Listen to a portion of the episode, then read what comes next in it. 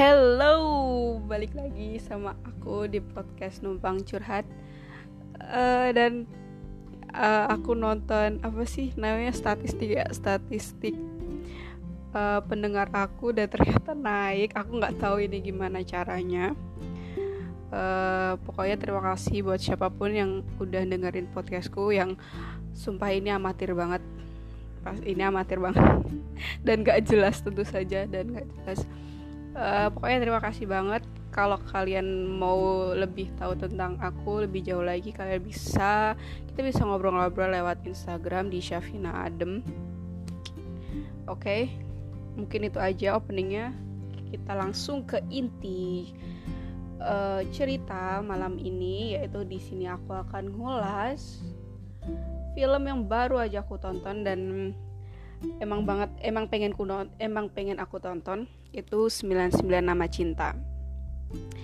Uh, jujur aku nonton ini tuh bukan karena apa-apa. I mean uh, aku pengen aku coba pengen nonton Zawin doang. Uh, ya, karena aku ngikutin karya-karya dia cukup mengikuti tidak tidak bukan fans tapi hanya mengikuti saja dan aku tidak membawa ekspektasi tentang film ini karena emang tujuan saya emang cuma nonton Zawin udah selesai. Dan ternyata nonton tanpa bawa ekspektasi itu gila rasanya tuh beda banget. Kalian bakal bisa menilai film itu secara objektif benar-benar uh, bisa ngelihat sudut pandang tuh lebih luas tanpa mengharapkan sesuatu gitu. Misal kalau sebelum nonton film udah ada bayangan tuh pasti udah wah pasti bakal ceritanya bakal seperti ini seperti seperti ini dan sebagainya. Uh, terus tiba-tiba uh, gak sesuai harapan gak sesuai ekspektasi lalu kalian akan menutup segalanya menutup segalanya menutup sudut pandang kalian. Jadi uh, film itu akan benar-benar terlihat buruk padahal bisa dilihat dari sudut pandang lain kayak gitu. Jadi saran aja sih kalau mau nonton film sekali-sekali jangan bawa ekspektasi. Kecuali emang bener-bener film yang benar-benar bisa diekspektasikan ya. oke langsung aja. Film 99 Nama Cinta ini berkisah tentang kehidupan Talia yang diperankan oleh Acha Septiarsa yang berprofesi sebagai presenter juga produser di sebuah acara gosip uh, Talia merupakan seseorang yang cukup ambisius. Well, menurutku sih dia cukup ambisius dan dia uh, bakal ngelakuin cara apa pun untuk menggapai mimpinya. Bahkan mungkin tanpa ia sadari, ia telah menyakiti orang lain.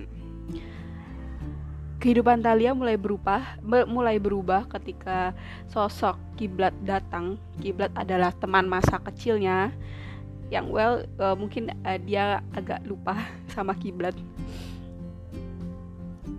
Uh, kiblat datang untuk mengajari Talia mengaji sesuai wasiat ayah Talia tentu saja tak mudah bagi kiblat untuk melaksanakan amanah tersebut. Plus ditambah plus plus ditambah. Oke okay, itu tidak efektif ditambah penolakan Talia yang cukup menyusahkan kiblat. Untungnya, takdir bekerja dengan caranya sendiri. Di awal film, aku udah dibuat kagum sama aktingnya Acha Septriasa. Uh, dia begitu hebat gitu saat meranin acting dia eh, saat meranin sebagai tokoh Talia saat ia menjadi presenter. Menurutku itu benar-benar keren banget. Dan yang aku suka adalah dialog-dialog dia yang cukup ngena dan tajam. Menurutku di situ di awal udah ditunjukkan hal seperti itu dan itu keren banget. Lalu film menurutku makin menarik karena di situ apa sih cerita film itu latar belakang ceritanya adalah tentang dunia kejamnya persaingan di dunia pertelevisian gitu. Jadi kayak kan mungkin nggak tahu ya di di depan kita kan sering mungkin kebanyakan dari kita seringnya ngelihat di depan layar. Kita nggak tahu apa yang terjadi di balik layar gitu. Dan itu menurutku cukup menarik untuk diikutin. Dan tentu saja untungnya film ini gak dikemas dengan cara yang berlebihan. Dan aku sangat terkagum-kagum dengan acting Deva Mahendra. Hmm, dia kayak bikin baper banget. Asli pokoknya semua yang dia lakukan kayak pandangan matanya cara dia berbicara perhatian yang diam-diam dia uh, uh, perhatian yang diam-diam yang ia berikan kepada Talia tuh menurutku bikin baper sih cukup bisa bikin baper dan hmm waktu itu aku udah terasa aduh dia ganteng banget. Kayak gitu. Ya itu beberapa yang bisa aku komentari. Dan ini ini yang terpenting karena aku nonton tujuannya buat ini yaitu kemunculan Zawin Nur Ikram sebelumnya saya akan apresiasi Bang Zawin. Tepuk tangan dulu. Karena Bang itu menurutku di kau lucu sekali di sana. Ya jadi Zawin Nur Ikram ini berperan sebagai Ustadz Bambu yaitu temannya Kiblat.